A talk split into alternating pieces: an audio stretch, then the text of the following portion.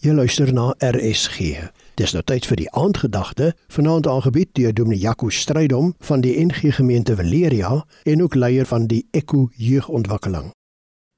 Goeienaand. Ou kom een keer by my, hy sukkel om te bid. Hy sê dit voel of hy teen die plafon vasbyt.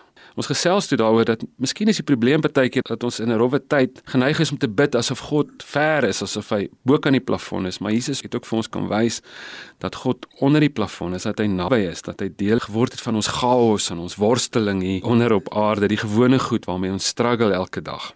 En ek het die oud gesels oor die groot verskeidenheid van gebeure in die Bybel. Daar's tog 'n klomp mooi, vrolike gebeure, psalms waar God geloof word en 'n klomp ander pragtige gebeure in die Bybel. Maar as ons eerlik is, is die Bybel ook vol klaagliedere, gebeure van worsteling en frustrasie. As mens daai gebeure uithaal dan haal jy eintlik 'n groot deel van die Bybel uit. Selfs in die psalms is daar sulke gebeure. Binne die Christendom verskyn daar elke nou en dan 'n dagstukkie boek, maar kom ons wees eerlik, daar's daarom ook 'n enorme klomp nagstukkies in die Bybel. En ek en hierdie ou wat so sukkel om te bid omdat hy deur 'n rowwe tyd gaan gesels toe oor nagstukkies. Ons praat oor Dawid en die donker psalms wat hy geskryf het, oor daar in die grot weggekruip het en die profeet wat 'n klomp goed geskryf het toe hy onder in die put was en Paulus wat van sy mooiste goed geskryf het juist toe hy in die tronk was.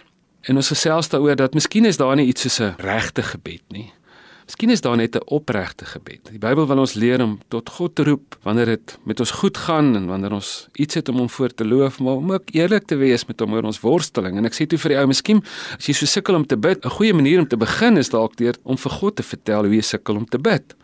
Begin daar en na so 'n week sien ek hom weer en hy kom terug en hy sê: "Weet jy wat? Ek was nog besig om vir God te vertel hoe ek sukkel om te bid en hoekom ek sukkel om te bid. Hoe kom ek agter ek bid eintlik nou heel lekker?" En hy sê vir een keer het hy nie skuldig gevoel omdat hy 'n klaaglied voor God skryf, omdat hy vir God vertel van sy twyfel en sy worsteling en hoe kwaad hy is en hoe donker dit rondom hom voel nie.